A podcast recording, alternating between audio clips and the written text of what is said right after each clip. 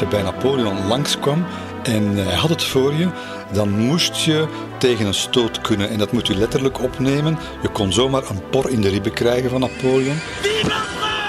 Johan op de Beek vertelt meesterlijk het levensverhaal van een van de belangrijkste figuren uit de geschiedenis. Was Napoleon een grote? Nee. Hoe kon de kleine Corsicaan keizer van Frankrijk worden?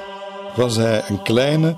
Nee, dat is eigenlijk een uitvinding van de Britse propaganda. Wat was het succes van zijn leger? Hoe kon hij verliezen in Waterloo? Een verhaal van veld- en moordaanslagen, triomftochten en nederlagen, maar ook van vrouwen en verdriet. Met monarchen, maar ook met vrouwen, bakte hij er in de omgang absoluut niets van. Het weergaloze verhaal van Napoleon Bonaparte.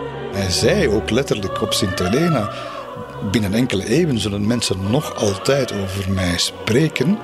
Ja, zie ons hier zitten. Napoleon. In de app van VRT Max.